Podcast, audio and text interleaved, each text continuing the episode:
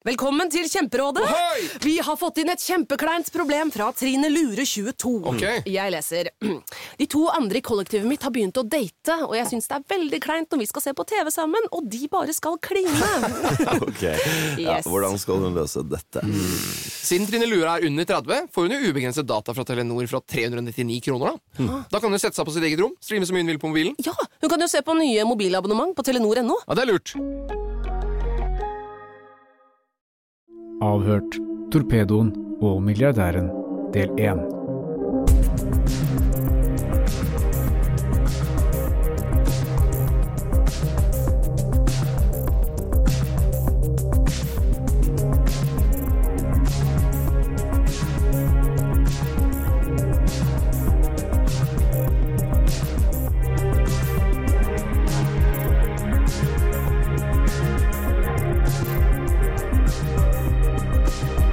Ja, Helge, da er vi i gang igjen. Jeg må innrømme at eh, jeg har gledet meg litt til denne dagen. Dette blir jo spennende. Jan Erik Iversen, bedre kjent som Jannik, og Torpedo kommer på besøk til oss for å fortelle sin historie, som han sier. Det som er litt unikt med det, er at eh, Jannik har jo aldri tidligere vært villig til å snakke med media, så vi er egentlig de første. Ja, for, for saken det gjelder her, det er jo eh, en av de mest høyprofilerte sakene som har vært i det landet her de siste åra. Det involverer jo Jan Erik eh, selv, eh, Kjell Inge Røkke, Jon Christian Elden, Arild Holten, Ellen Ol Holager Andenes, Anna Nilsen Altså eh, Ja, hvem er det som ikke er med? Hvem er ikke med? Eh, det har jo vært skrevet mye eh, om denne saken gjennom de siste 20 årene. Men eh, det har vært litt sånn bruddstykker her og der. Det vi har blitt lovet nå, er jo egentlig hele historien, sett fra Jannik sitt ståsted, da, bare så det er sagt. I korte trekk, hva går denne historien her ut på? Dette er jo en uh, sak som uh, sikkert kunne vært grunnlag for en uh, hel eh, TV-serie. Her er det mange profilerte personer involvert, og det er mye penger, og det er skyting, og det er ikke måte på. Men det er jo den historien vi skal få av uh, Jannik. Så derfor jeg gleder meg da, til å få høre den. For, for meg da, så har jo han, Jannik vært en sånn mystisk karakter. Jeg husker da den VG-artikkelen kom, så øh, han var jo ikke ute og uttalte seg i det hele tatt. Og jeg hadde, hadde ikke hørt om han før. jeg. Jeg har hørt om han opp igjennom, eh, men jeg har egentlig ikke visst sånn veldig mye. Um, Det som er med denne saken, er at den er jo eh, vært eh, veldig betent.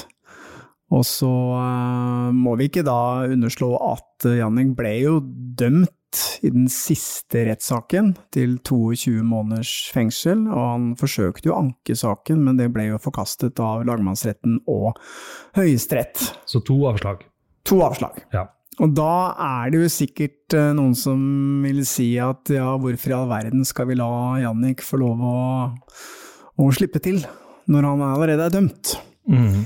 Men Men er det et nok, godt nok argument? Jeg syns ikke det er så enkelt, fordi du ser at det er jo nok av andre folk som har blitt eh, dømt både én og to og tre ganger, som får lov til å snakke ut i media. Så det er jo ikke noe nytt. Og eh, så vidt jeg har forstått, så eh, mener jo Jannik selv at han har blitt utsatt for et justismord, og advokatene jobber for en gjenopptagelse. Så den har jo en viss aktualitet. Mm. Og når han ikke får en sjanse i retten, så tenker jeg at eh, greit, kan få en sjanse her, da. Helt enig. Han skal få lov å fortelle historien sin, og så skal vi eh, være så kritiske som det er mulig å være underveis. Og så skal vi selvfølgelig eh, ettergå disse påstandene så godt det er mulig å la seg gjøre.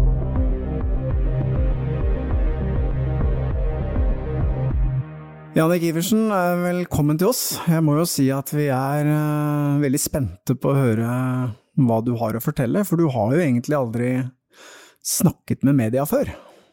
Takk for at jeg fikk komme. Nei, for meg er mediaen et udyr. Så jeg snakker helst aldri med mediaen. Men da må jeg jo nesten spørre, hvorfor vil du snakke med oss? Av at jeg, I min situasjon som jeg kom nå, så blei min sak forkasta i lagmannsretten. Den ble kasta i Høyesterett. Og for meg er det et stort justismord. Så det er derfor jeg nå kommer til dere. Aller først, før vi eh, begynner å snakke om eh, det du er opptatt av om dagen, så kan ikke du fortelle litt om deg selv? Ja, jeg er oppvokst og født på, i, i Breigata på Grønland, og flytta derfra over til uh, Lambertseter. Kommer fra en flott familie med mye kjærlighet. Hvordan var det med skole og utdannelse og sånn, for din del? Det var en veldig vanskelig tid for meg, for jeg hadde veldig problemer med lese- og skrivevanskeligheter. vanskeligheter. Og for meg var ikke skolen noe Det var ikke noe godt uh, jeg, skal jeg ikke noe jeg, skal bruke? Jeg var ikke så opptatt av det. For at jeg var mer interessert i sport og, og, den, tid, og den tiden der. Jeg, jeg trivdes ikke på skolen. Så der kom jeg ikke noe godt ut. Men jeg hadde en far som var veldig mye på Bjerke travbane, så jeg hang veldig mye med han. Og jeg fikk meg eh, litt heldig og fikk meg en stall, stallguttejobb der, som har vært helt fantastisk. Som er veldig bra for ungdom som har litt, litt problemer med seg selv. Og ja, etter det så kom han jo inn i gamblingmiljøet. Og jeg var jo en veldig bra eh, eh, kasinospiller, som vi spilte den tiden, og poker. Så det har dratt meg den veien videre, da. Men hvordan går man fra å være stallgutt og spille litt på hester, til å komme inn i den bransjen som Jo, for du, i? du møter veldig forskjellige mennesker på Bjerke travbane. Og noen er dit, noen jobber med det, andre jobber med det. Og jeg jo, ble jo veldig interessert i gambling, da. Og jeg hadde en hukommelse som var helt utrolig. Så, og det, det fascinerte meg veldig mye. Så det var det inngangen til selve gamblingen. Men var det sånn at du levde av gambling da, eller? Ja, jeg levde av gambling. Men Jannik, det er jo ikke akkurat gambling som du er kjent for. Du har jo blitt omtalt som torpedo veldig mange ganger. Ja, du kan si at torpedo er det som mediene bruker. Men eh, jeg har jo vært med Jeg har jo blitt spurt å være med andre mennesker som driver med meglervirksomhet. Og vært med og gjort noen jobber sammen med disse personene. Og da har jo mitt navn kommet fram. At uh, folk kan ringe meg hvis de trenger hjelp til en eller annen situasjon. Som jeg kan være megler i. Og mange, mange av de jobbene har jeg gjort gratis. Men jeg har jo tatt mange jobber. Og for meg er jo det Jeg, jeg synes at jeg, når jeg først får ordna og, vi kommer til en deal, så syns jeg jeg har gjort noe bra. For at når ikke, ikke systemer tar tak i det, så må vi andre ta tak i det.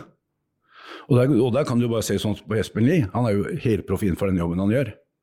Og det er ikke, noe, det er ikke vold vi er ute etter. For vold gir ingenting. Det er jo det å finne løsning, og så gå videre.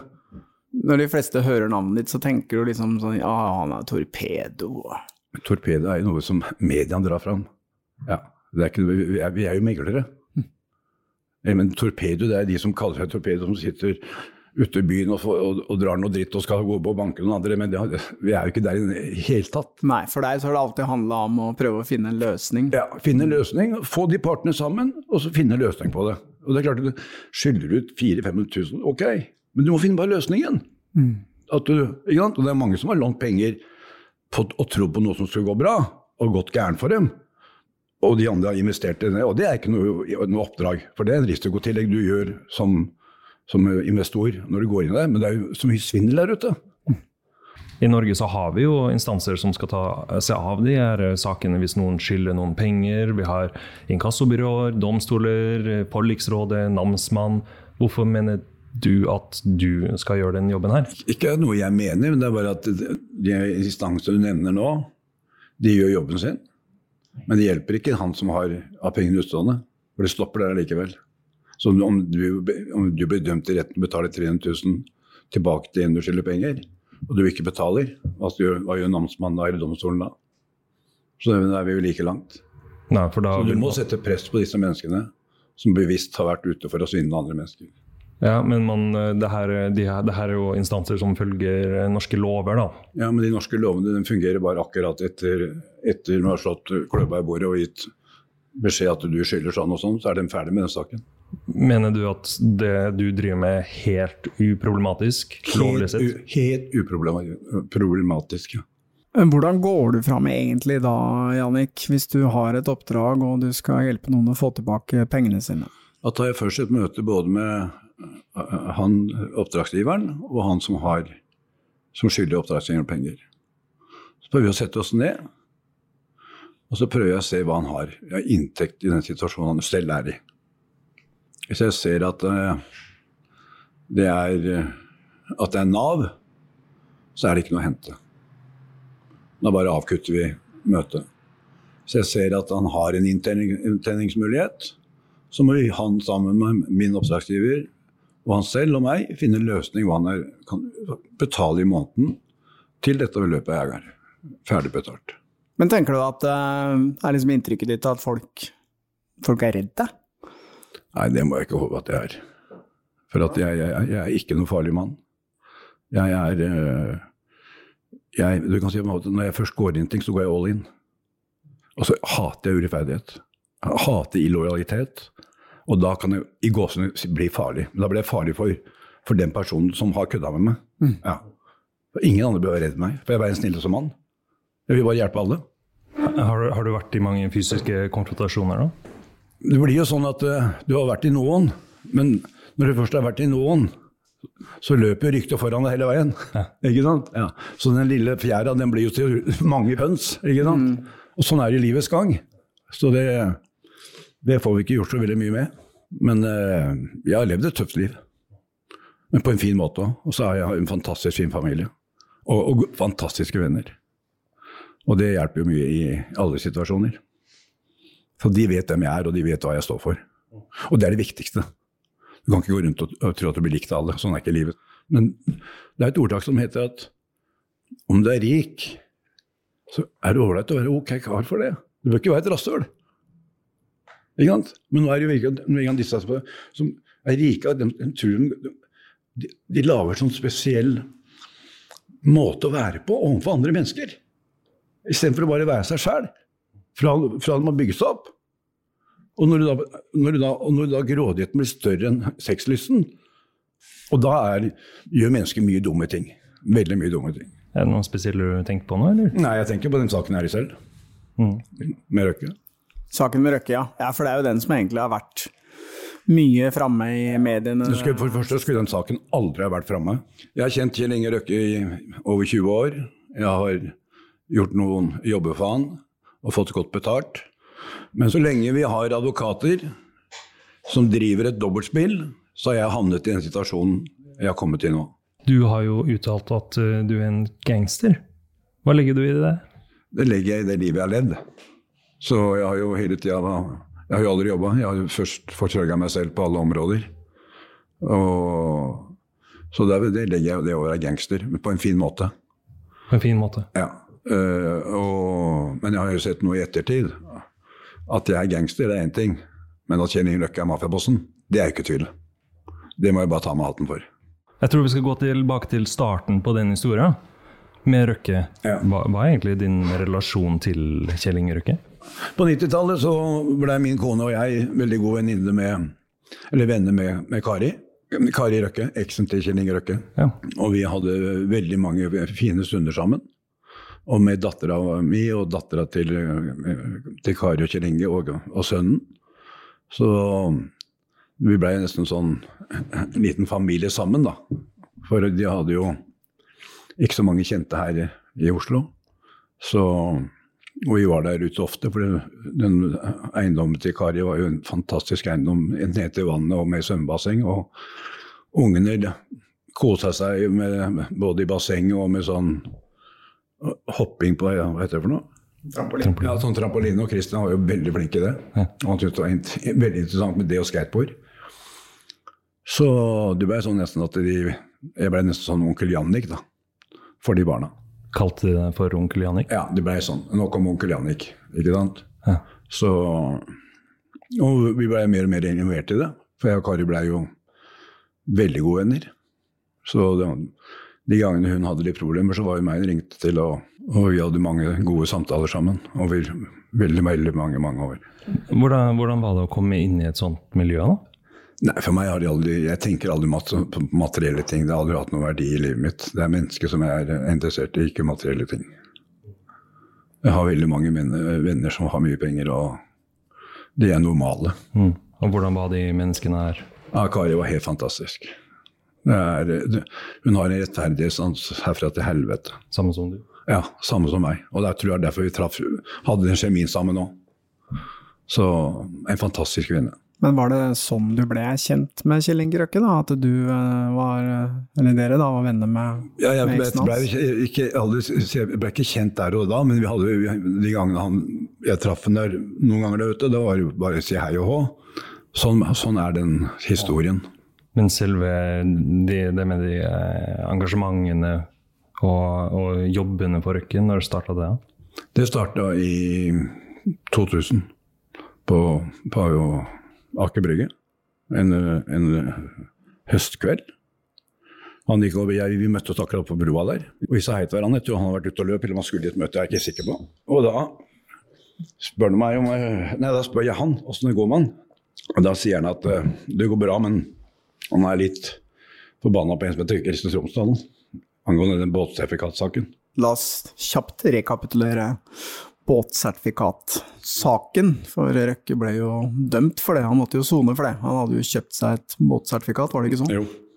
Det er sånn at alle kameratene hans hadde båtsertifikat. Og det er klart at Kjell Inge, som har jobba i Amerika med alle de store båtene, det er jo bare at han ikke har giddet å det, tatt det, eller hatt tid til å ta det. da. Så jeg ser jo den snarveien han gjør der, den hadde sannsynligvis jeg gjort òg, for å kalle en spade en spade. For at eh, båt kunne jo kjøre, ikke sant. Så, og det blei det ble gærent for han. Hvordan var Christer Tromsdal involvert i båtsertifikatsaken? Han var involvert sammen med han båtmegleren. Hvilken båtmegler? Som var partner med Christer Tromsdalen. De hadde samme selskap på slutten av 90-åra. I et båtselskap på Aker Brygge. Så det var linken der. Du tenker på Norwegian Yacht Broker? Ja, Navnet husker jeg ikke, men jeg vet at det var et, et selskap som drev med utleier med båt, båtgreier å gjøre. Så båtmegleren og Christer Tromsdal jobbet sammen i samme selskap, og det var båtmegleren som gjorde disse opptakene. Men din Hvordan kom Christer Tromsdal inn i bildet? Nei, jeg, vet, jeg vet jo veldig lite om det. For at jeg fikk bare beskjed at, han, at Christer satt med noe bånd som Kjell Inge ville ha tak i. Av opptak av Kjell Inge? Min uh, teori er at, at båtmegleren ble truet så jævlig av Kjell Inge at han trakk seg fra hele prosessen, og at Christer Tromsdal kom inn og overtok. Okay. Og jeg sier til, eh, til Kjell Inge på den broa der at eh, ok, jeg skal ta, ta en kontakt med, med Christer, og så skal vi se hva jeg får til. Så i bunn og grunn så var det liksom Han hadde kjøpt et båtsertifikat og gjort noe ulovlig. Og Christer Tromsdal satt egentlig på litt sånn kompromitterende informasjon om Røkke. Helt korrekt. Ja. Det var det han var uh, redd for, hva som var på de båndene, å få tak i de båndene. Ja, Hva skjedde videre da? Nei, da tok jeg eh, kontakt med Christer Tromsdalen og spurte om uh, forklarte situasjonen. Og Christer sa at han ikke hadde noe med det, i gåseøyne. Eh, og han eh, sa Jannik, jeg gjøre hva, hva som står i min makt for å skaffe det båndet. Og det gjorde han. Så jeg fikk, jeg fikk tak i det båndet. Ringte Kjell Inge, møtte Kjell Inge. Han skulle møte uh, Han lurte meg ikke han, Jeg skulle få tilbake på- samme kveld. Og så ringte Kjell Inge meg og så spør han Jannik, kan jeg få lov å ha det til i morgen. sa, det må jeg ringe Christer om og spørre om det er, er i orden. For vi må jo prøve å holde tidslinjen der sånn som det var. Og det øh, fikk vi lov til.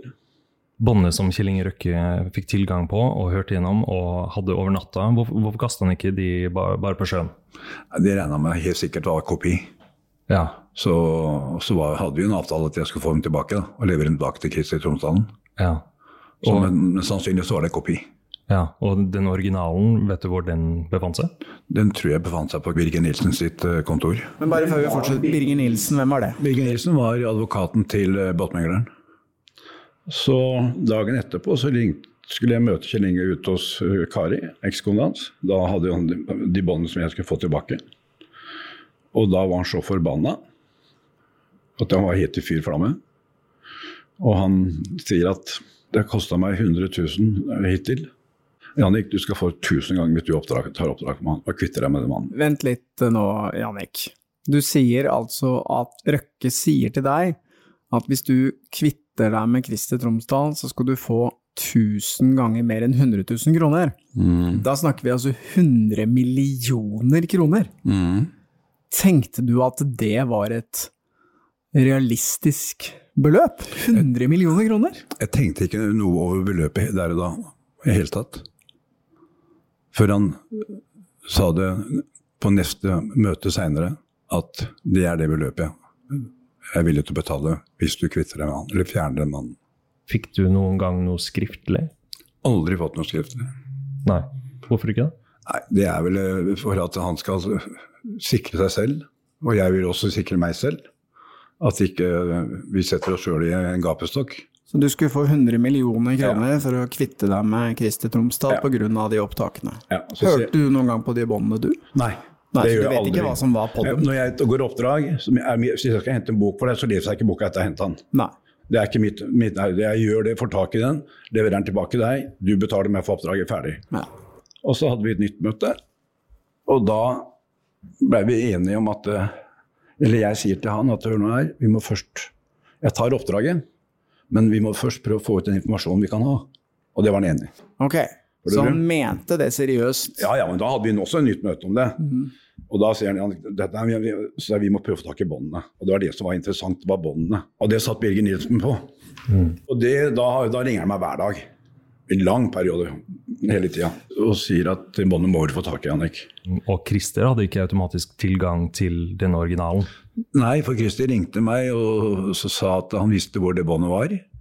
På advokatkontoret til Birger Nilsen. Og sa at vi kunne gjøre et brekk der i helga. Et innbrudd. Innbrudd, ja. Jeg kaller det brekk, men det var innbrudd. Okay. Og du sa ja til det? Jeg sa ja til det. Og så ringer Kjell Inge meg, og så sier jeg Jannik, åssen går det med båndet? Så sier jeg, hør nå her, det båndet ligger på advokat Birgers der, og der har vi tenkt å gjøre et brekk i i helga. Og så ble det litt stille til dem, og så sier han, ja, men Jannik, hvis du ble tatt Hvis jeg ble tatt, Kjell Inge, så bør ikke du være redd for noe.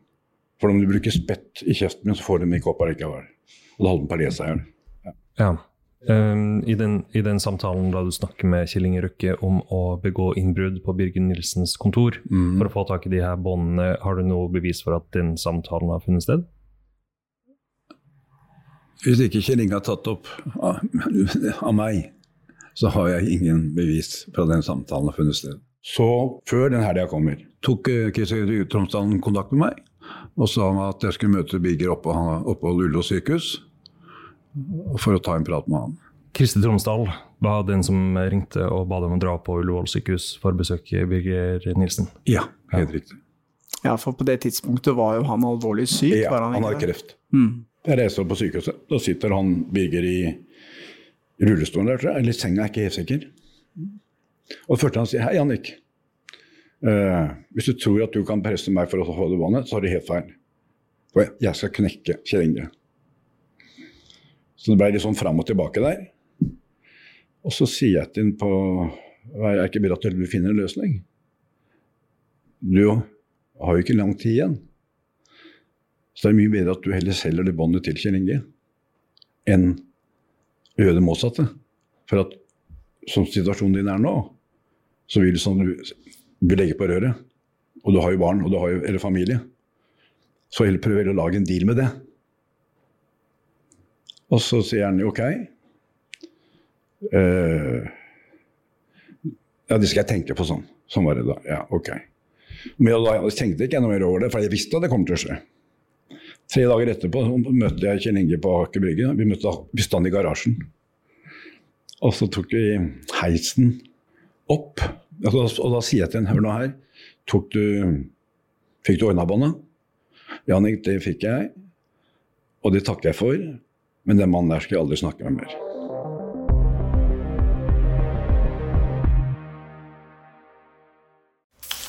Fine med å høre på podkast, det er jo at du kan gjøre noe nyttig samtidig. Kan f.eks. endelig fikse den eh, skapdøra på badet. Sånn. Alt du trenger til enkelt vedlikehold hjemme, finner du på Men fikk du noe betalt for den Ja, ja. jobben, da? Jeg, jeg fikk betalt for den jobben jeg gjorde. Mm, Hvor mye da? Han betalte meg først øh, 200 000 i startfasen, og så betalte han meg 100 000 etter at vi møtte på Tore Tønne på den samme kveld. Og så, jeg, og så møtte, møtte, hadde vi det møtet på når hun Anna Nilsen ringer meg, og vi har møte på kontoret hos henne. Men der fikk vi et nytt navn. Anna Nilsen, hvem Ja, var det det? Hun er sekretæren til Ellen Hungan Alnes. Å ja, ok. Ja. Så hun Ja. jobbet i advokatfirma. Ja. Og, da, og, var, og hun ringte meg åttetida på kvelden. Da hadde det akkurat kommet ut at Tore Tønne var død. Ja. Har tatt livet av seg. For de som ikke kjenner til Tore Tønne, så var han konsernsjef i Røkke-firmaet Norway Seafoods. Han var òg helseminister i Jens Stoltenbergs eh, første regjering. Og det var i forbindelse med perioden etter han slutta som minister, at han tok på seg et oppdrag for Kjell Inge Røkke i forbindelse med oppkjøpet av Kverner. En periode da han mottok etterlønn, og samtidig mottok 1,5 million fra Kjell Inge Røkke. Og da den saken her ble kjent, så tok Økokrim ut tiltale mot Tor Tønne, og det endte med at han tok livet sitt. ja, det var jo en tragisk eh, historie. Vi skal Ja, komme litt tragisk. tilbake til den eh, senere. Ja. Men, eh, men ok, bare fortsett. Så, øh, jeg forsto ingenting. Men tenkte jeg ok, jeg får bare reise ned. Og så dro jeg ned på Bristol der. For hun skulle ringe meg hele tida. Så jeg, ble, jeg gikk og satte meg i baren på Bristol. Dette var jo grisekaldt. Dette var jo 15. 17. desember eller kanskje 20. Jeg er ikke helt sikker. Og så, så jeg satt der og tok meg en Irish coffee bare for å få litt varme i kroppen.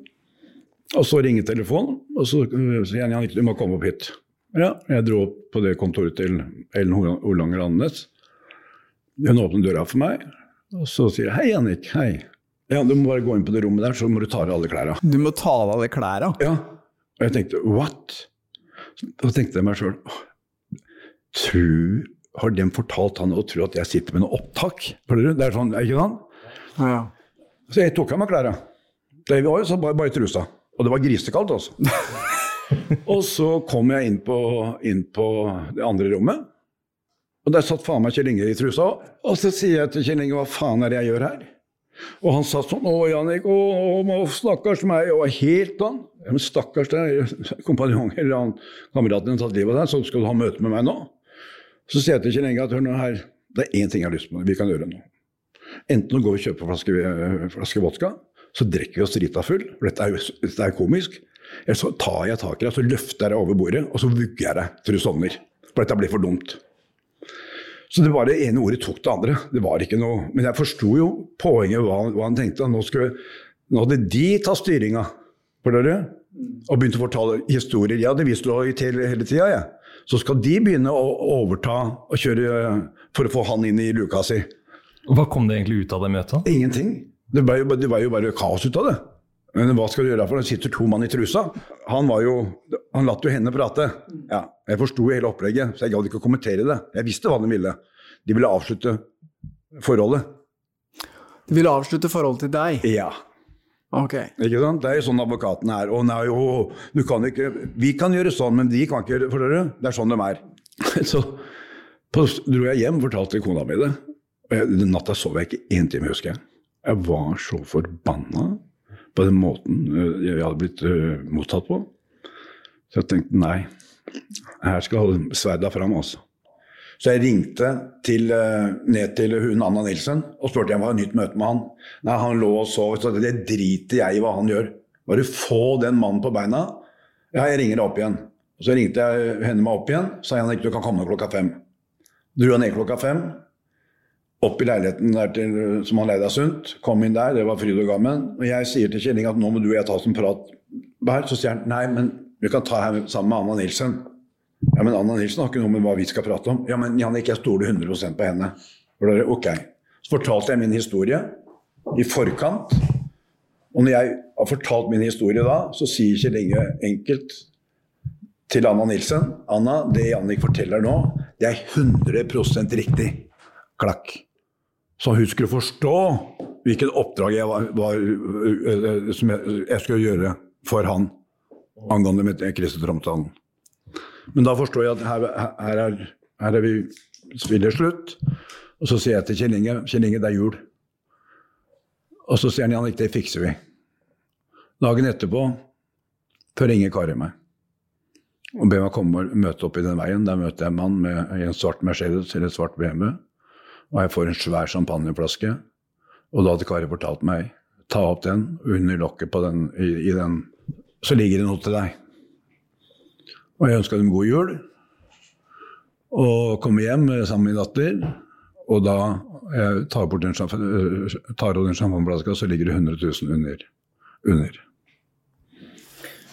Men finnes det noen uh, vitner til akkurat det, da? Hvis du tok det med deg hjem? Var det noen som så at det lå 100 000 kroner? Ja, det så både kona mi og dattera mi. Ja, så begge var vitner? Ja, begge var der til stede.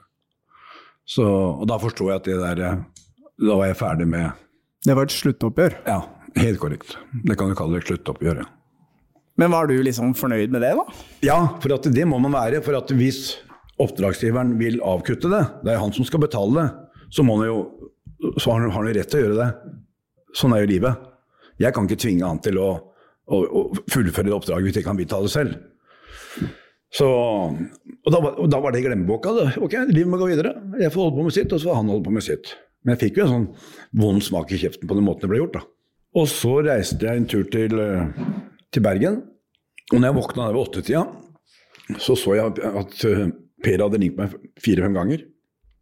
Ja, for nå snakker vi om Per Orveland, og det var altså eh, samboeren til Røkkes ekskone Kari. Riktig. Ja. Og da eh, Ok, så jeg ringte han opp, og eneste han sa Jannik, du må ringe Kjell Inge, du må ringe Kjell Inge. Ok, hvorfor? Nei, det visste han ikke. Du må bare ringe han. Hvilket år var dette? Dette er 2003. 2003. Etter at uh, forholdet mellom deg og Røkke egentlig er avsluttet. Det er avsluttet. Og uh, dere har liksom gått hver til dere, så får du da en telefon fra Per Orveland som ber deg om å ringe Røkke. Hva skjer videre? Så ringer jeg Kjell Inge, og han sier Jannik, eh, du må komme hit til Oslo. Det er et helvete. når Christer begynner igjen å mase og stresse. Så sier jeg men jeg er i Bergen. Jannik, drit i Bergen, bare kom hit. Christer er hit i fyr og flamme, skal lage bare faenskap for meg igjen. Men hvordan kunne da Kristi Tromsdal lage faenskap for Kjell Inge Røkke? Hadde ikke Kjell Inge Røkke fått tilbake det båndet? Det båndet som, som Birger Nilsen hadde Kjell Inge fått. Men eh, når vi prater om Kristi Tromsdalen Dette er en, en av Norges største bedrager. Så han vet hva han holder på med. Men var det slik da at Kristi Tromsdal satt på noen kopi av de båndene, vet du det, eller? Christer Tromsdalen har sikkert kopi av alle bånd. Så reiste jeg, reiste jeg til Oslo, møtte han på, nede på garasjen der. Eh, vi var sittende der, og han sier at er vil ta det oppdraget. Og fjerne den mannen. Så sa jeg du så hva som skjedde sist. Sist så blåste de meg overfor de advokatene, og det ble bare tull. Sånn går det ikke, fungerer ikke dette her. Nei, men han, og det var mye sånn Han er jo verdens beste skuespiller. Glem Robert De Niro og alt dette her. Han, han slår dem alle i uka. Han, tar på seg, han kan ta på seg syv forskjellige masker av syv forskjellige dager. Og det er bare til fordel for han selv, der han er, og hvem han skal møte. Så han, han er helt overlegen. Men da ga jeg henne et tilbud at eh, jeg tar oppdraget på en betingelse, at du betaler meg 1,5 millioner i Saint-Tropez i juli. Begynnelsen av juli. Som et forskudd? Da. Som et forskudd, ja. For da visste jeg at da var vi i gang. Og hvis ikke det var, pengene kom i juli i Saint-Tropez, så var, behøvde ikke ha noe mer kontakt. Ok, og da tar du på deg det oppdraget å fjerne Christer Tromsdal. Og fjerne Christer Romsdal. Betyr det at du skulle drepe Kristi Tromsdal? jeg vil ikke bruke ordet drepe, jeg sier fjerne. Hva innebærer det? At han blir borte fra kartet. Skremme vekk, eller uh, grave ned, eller uh, Nei, jeg vil ikke kommentere mer enn det. Og så sier jeg ok. Jeg reiste til Saint-Tropez. Per Aarbrand ringer meg, for han er mellommann der, forstår jeg.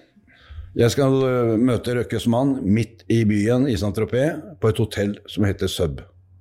Eh, banke på det, det og det romnummeret, og så vil du møte en kar. Ja, Vi skal møte klokka tolv. Jeg gikk til klokka tolv. Banka på, ingen svar. Ok, jeg gikk tilbake til hotellet. Ringte Per. Nei, det skjer ikke noe. Jo, Jannik, han er der. Ja, fikk en ny. Så skal vi gå til klokka tre. Det gikk klokka tre. Banka på som faen igjen. Ingen svar.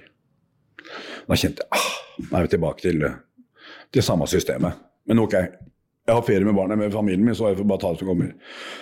Så ringer Per igjen, og så sier han Jannik, nå kan du gå der klokka seks. Bam. Vanka på, så åpner døra seg. Der kommer en kar, Jeg går inn på rommet hans, der han er sammen med en dame. Om det er kona eller elskerinne eller hva det er, for det vet jeg ikke. Men uh, da ser han at uh, vi havna på fylla i går. Vi kjørte racet helt ut. Så det er derfor ikke vi har Vi har ligget og sovet. Ingen problem. Fikk en ordentlig væske med, med innhold i. Dro opp tilbake til hotellet, tømte den i senga og bare så wow. Det var 1,5 millioner. Du fikk en veske med 1,5 millioner kroner i kontanter, Ikke helt. og det var fra Røkke. Det var fra Røkke. Det var for ikke hva han andre kjente jeg ikke. Hvilken valuta var det i? Det var mest norske, og så var det euro. Ja. Men det var mest norske. Så Og da var jo Da var vi i gang. Da var det snakk om Og jeg hadde ikke noe jeg, jeg måtte, Min tid var bare å få fjerna Christer før rettssaken til han kom opp. For han skulle ikke stå i veien for den rettssaken. Det var det han var redd for. Båtførersertifikatet. Ja, Mm. hva, og hva som kunne gå gærent der. Så det blei sånn ok, mye sånn fram og tilbake, og så begynte disse advokatene å mase mye òg. At nå er han Christer der, nå prøver han seg på ditt, og, det, og de var jo etter meg forsto bitte uvenner. Og det kom jo fram i rettssaken min nå, og det visste jeg ikke om selv. At Christer hadde blitt bedt på kaffe på Continental Hotel. Og da hadde Anna Nilsen kommet bort for han skulle møte, og, bedt, og så sagt til Christer at vi kan, vi kan heller gå opp og snakke opp på rommet på Continental der oppe, eller på et av hotellrommene. Og når han hadde kommet opp på det hotellrommet, så møtte han to sånne svære bodyguarder. Og inne i rommet så lå hun, Ellen Nordgran, sånn halvfull, som han forklarte i retten, på, på en sofa og bare skreik 'Hvor er de bånda? Hvor er de bånda?' Hører du? Altså, eh, så de advokatene opptrådde som, Som, som torpedoer. torpedoer? Ja.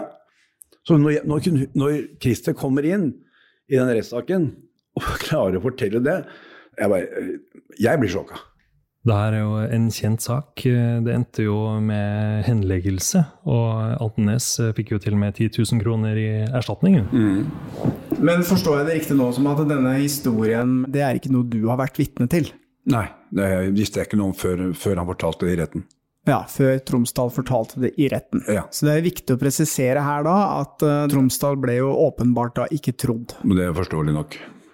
Men dette foregikk altså samtidig som du hadde fått betalt for å Da var, ta hånd de om visste ikke om Tromsdal. de oppdragene da var, var For dette var mellom meg og Kjell Inge. Ja. Eller hva de visste, vet jeg ikke. Herregud, for et sirkus. Det her minner meg om den filmen der der Lock, Stock and Two Smoking Birds. Det er bare kaos. Og for godt betalt, da, sannsynligvis. Hæ? For godt betalt, da. Ja, Det er klart man får godt betalt, men det er jo sånn at han, han betaler jo alle. Men det som er, og Det er derfor folk sier at at han tror at det var sånn der fantasihistorie 100 mil. Men for han er det ikke noen fantasihistorie. For han, han lurer allikevel. Så han får det, så, han, han får det til å bli, bli så høyt at din grådighet blir så stor i hodet ditt at du er villig til å gjøre de tingene. Ja. Og når du har gjort de tingene, så får du bare knapper og glansbilder.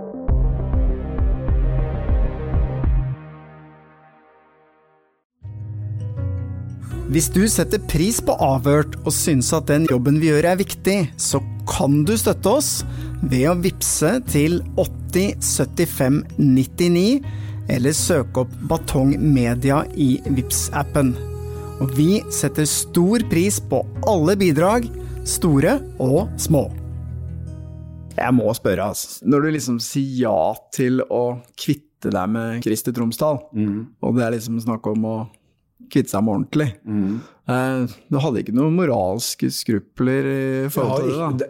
den, den- tida, på alt det negative som gikk rundt Christer Tromsø den gangen, så hadde jeg ikke noe mar... No, no, en, em, eh, hva heter det for noe?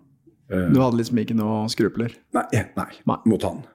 Og så følte jeg litt veldig godt med Kjell Inge at de hadde sittet og svindla han med at de hadde prøvd å lure den for noe som alle andre, andre store næringsfolk hadde gjort òg. Men det var han som skulle tas, for han var veldig sårbar. Så det var litt der. Det var ikke akkurat de penga som var så, vel, men det var den der måten de hadde gjort det på, som, eh, som tar meg da. Og når jeg først går, går, i, går inn, som jeg sa i stad, når jeg går, bestemmer når jeg sier ja, så er det ja. Da er jeg all in. Alle dager i uka. Da er det ingen som kan stoppe meg. Da er det bare oppdragsgiveren som kan stoppe meg. Og så Og jeg har jo mye kontakt med Christer. Og det var mange, som- Christer var ikke noe godt likt av noen i hele Oslo. den ene til en annen, hører du? Så det ene tok det andre. Og da sier jeg til Anna Nilsen jeg går opp til kontoret og sier, hør her, nå må dere roe dere litt ned. For ellers så kan dette bare bli verre. Og det gjorde de ikke. Så får jeg jo en har jeg møte med noen og sier at nå er Christer helt nå skal ta livet av Anna, og så skal han, eller få Anna bort, og så skal han blåse i hele Røkke og de bånda. Du sier at noen fortalte deg at Christer Tromsdal ønsket å ta Anna Nilsen. Hvem var det som fortalte deg det? Det var en kilde som jeg hadde, hadde rundt der, som ringte meg. Jeg møtte han nede hos han på hans kontor, og han fortalte meg den storyen at uh, nå har Christer tenkt å ta Anna og få ut i bånda på Kjell Inge Røkke. Men hva mente han med ta Anna Nilsen? Det Han mente at hun skulle vekk. Hun skulle drepes. Ja, hun skulle vekk. Men sa denne kilden noe om hvor han hadde fått de opplysningene fra? Nei, det gjorde han ikke. Men det regna jeg på. Han var inn, inn, inn, innenfor det eh, nettverket av de rundt Christer Tromsdalen. Men var denne kilden en person som du oppfattet som 100% troverdig? Ja. Så du var liksom ikke i tvil i det Det er ikke hele tvil. Han hadde ikke ringt meg og, og, og bedt meg komme ned for å fortelle meg den historien. Hvor befinner en person seg i dag, da? Det, jeg tror han er i, Om han er i Norge eller utlandet, det har jeg ikke noen forhåpninger til. Det vet jeg ikke. Og da reiste jeg opp til Anna på, eller opp til noen på kontoret der. Og når jeg kommer inn der, så sitter Kjell Inge der òg. Og så sier jeg situasjonen, hvordan dette er. Og Anna ble helt hvit i trynet. Da, da, nå, nå er hun redd. Ja. Og Ellen hisser seg opp og sier at ja, hvis noen rører Anna, så skal han få med meg å gjøre. Ikke sant? Ja.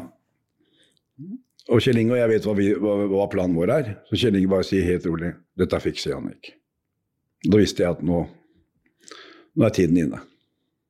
Så går det vel en 14 dagers tid vel, og så ringer Anna meg og ber meg komme opp på kontoret. Da sier hun at eh, Jannik, hvis det skjer noe, så kontakter du, bruker du Elin som advokat. Dette forklarte jo eh, du i eh, retten, Jannik, og VG har jo skrevet om det.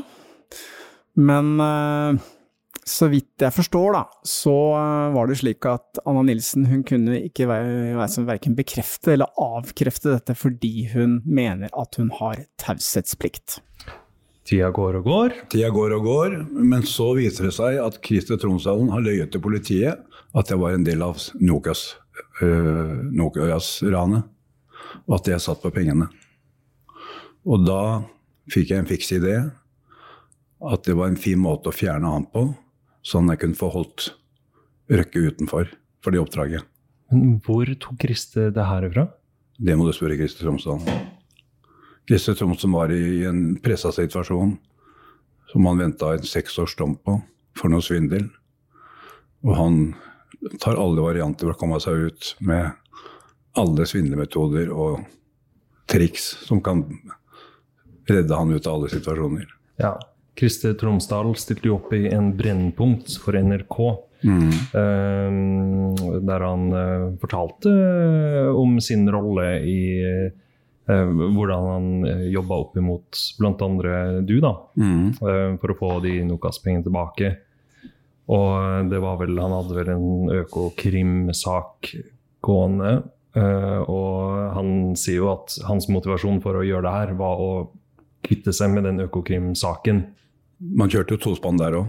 Han jobba med politiet på ene siden, og så jobba med meg på andre siden. Så det var jo derfor politiet også ble irritert på han. Men hva slags forhold hadde du til Christer på den tida da? Da hadde jeg et helt ålreit, normalt forhold til Christer. Og så velger han bare å knytte det til den Nokas-saken sånn uten videre? Ja, for han vet at jeg, jeg har gode venner innen det albanske miljøet. Ja. Fikk du på noe tidspunkt henvendelser fra Nokas-gjengen om å Aldri. hjelpe å håndtere Aldri, aldri, aldri. aldri. Men, men hvordan reagerte du? Det lurer jeg litt på. Fordi er du så kalkulert at når du fikk vite at Kriste Tromsdal hadde blandet deg inn i den saken, så tenkte du å ja, nå har jeg en fin mulighet til å ta han uten at det skal komme tilbake til Røkke. Eller ble du forbanna og oppsøkte han og, og ville snakke med ham? Forbanna var jeg ikke, for jeg, jeg bare lot meg spille med. Men hvorfor spilte du med på dette her, Jannik? Politiet plaga meg over så lang tid. I tre, to, tre, tre eller fire måneder. Hver dag. Hver dag, altså. Ja. Og det var da Tromsdal sin skyld? Det, og det var Tromsdal sin løgn. Så politiet tok som gullfisk at jeg satt på Nokas-pengene. De, de arresterte meg flere ganger, sånn midt på gata. Politiet, og En gang ble jeg imponert, for da var jeg, ikke hadde jeg parkert bilen borti Korsgata der og gikk, skulle på treninga.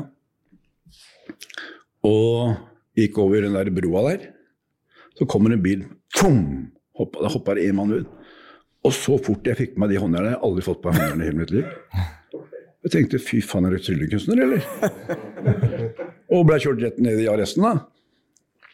Og satt der og venta. Da var jeg ordentlig forbanna. Og da driver jeg skyggebokser inne i på den der matta du skal sove på, da. Og er gjennomvåt og så varm i huet. Og så kommer en av, en av de etterforskerne inn der og banker på. Og da husker jeg bare sitte her. Jeg tror ikke du skal inn her nå. Så han blir stående på utsida og vente og vente og vente. Så sier jeg nå kan du åpne døra. Ja, dette med å rapportere Du kan rapportere hva faen du vil. Det, det driter jeg nå. Det var sa meg for. Så fant du på bare sånn svada-ting. Og, det gikk ikke opp. Men så ringer Christer Tromsdal meg og ber meg møte han ute på Bygdøy. Øh, Byg, helt under- i skauen der. Klokka ti om kvelden. Og jeg møter han der. Ja, for du satt ikke så lenge i Nei, det var bare tolv timer ut. 12 timer ja, ut, ja, har ikke noe å ta meg på. Nei. Det er ikke Nei. noe å hente her. Nei. Men eh, jo, så reiste jeg ut til bygda klokka ti om kvelden. Det var jo steinmørkt den gangen òg. Og så, når jeg kom ut av bilen Jeg har aldri sett så mye joggere ute, ute på natta som det var da. Og så hører jeg helikopter over oss. Og så begynner han å stille meg spørsmål, Christer. Ja, hvor mye var det 50-lapp, mye var det 100-lapp, mye var det 200-lapp? Ja, hvor mye Ja, penger? da snakker vi om Nokas Ja, utbytte, ikke riktig, sant? helt ja. korrekt. Ja. Så tenkte jeg fy faen, det har kommet dit, da. Og så tenkte jeg nå har jeg en kjempekjanse å ta den. Så Men jeg, var, jeg ble jo spana på hele tida òg. Så politiet trodde virkelig at Ja. du hadde noe med Nokas-ranet å gjøre, og visste hvor pengene var? Ja, ja. Ja. De hadde jo full avlytting i, i, i, i, bilen, i bilen. eh, Telefonene mine og til, hele familien min. De hadde legen leilighet over der som jeg bor, som kunne se rett inn til meg. Men hvordan visste du at politiet overvåket deg og hadde leid leiligheten over deg for å holde øye med deg? Det kom fram i, i rettssaken seinere. Men uh, leiligheten visste jeg ikke. Men jeg så jo på en måte hvor mange ganger de arresterte meg. Men uh, hvorfor, når du først skjønner at Christer Tromsdal har uh, beskyldt deg overfor politiet og er en del av Nokas-ranet, hvorfor fortsatte du da å spille med og si til Tromsdal at ja, du hadde vært en del av Nokas-ranet, at du satt på pengene? Jeg sa alltid at jeg hadde vært en del av Nokas-ranet. Jeg sa at jeg satt på pengene. Ok. Men hvorfor sa du det? For det var eneste, eneste, eneste måten jeg kunne da ta den ordentlig på. Så det ble en provokasjon overfor meg. Og da er det mye lettere da å gå i retten etter å USA hadde fått fjerna den, da, og forklare situasjonen. Så er det politiet som står der med, med geipen ute. For de vet at jeg ikke aldri har hatt noe med det å gjøre. Ja. Og da kunne jeg slå to fluer i ett smekk. Fjerne Tromsdalen og holde Røkke utenfor. Så det var en gambling. Og så plutselig så kommer Christer med en pengeteller med banner som det sto Nokas på, som det sto 100 000 på. Hvor, hadde han fått de tinga derfra? Det hadde han øh, fått fra sin banksjef, som han mente vi skulle bruke til å få ta og, sende tre millioner til et annet land. Så han brukte en banksjef som han hadde innenfor Norges Bank. Så går, tar jeg den opp til meg, så er begge jentene mine der, og så sier jeg til dem. Så tar jeg en sånn A4-ark, tar jeg opp en tusenlapp, og så gjør jeg sånn at det blir 100 000. Så sitter jeg der i fire og en halv time og bare ler meg i hjel inni meg. Og den er jo avlytta, den har jeg svoring på. Så de tror at man vinner, at man vinner uh, eurojackpot. Heter den fant slipp støvet. Og det støvet er jo ikke penger. Støvet er jo sånn Vanlig ark. Ja. Ja. Og da hadde jeg også flere samtaler med, med, med, med krester. Og da kom jeg i den situasjonen at nå skal jeg stoppe. Nå er det nok nok. Ja, For nå var det nesten blitt litt personlig òg nå, eller? Nå, jeg, nå kan jeg si at nå hadde jeg nå hadde jeg regna på åssen at jeg, det er 60% at når jeg tar nå, så er det 40 til politi. Istedenfor 80 til politi og 20 til meg. Ja. Så da hadde jeg, når jeg tok meg den gunneren da, så var det for å fortelle dem faen, han nå er nok nok. Ja, Fortell om det møtet, for det var jo i Bygdø allé, var det Ja. ikke det? Mm. Da avtalte du å treffe ham? ja. Sa du hva du skulle snakke med han om? Da? det var jo penger som vi brukte. Jeg brukte penger som han skyldte meg, Okay. og satt inn i bilen der. Og det var bare så vanlig ljug som han holdt på med. Ljug og ljug og ljug og ljug. Og ljug. Og da sa jeg ganske enkelt Christer, nok er nok. Jeg dro gunneren og skjøt den. Avhørt er produsert av Batong Media.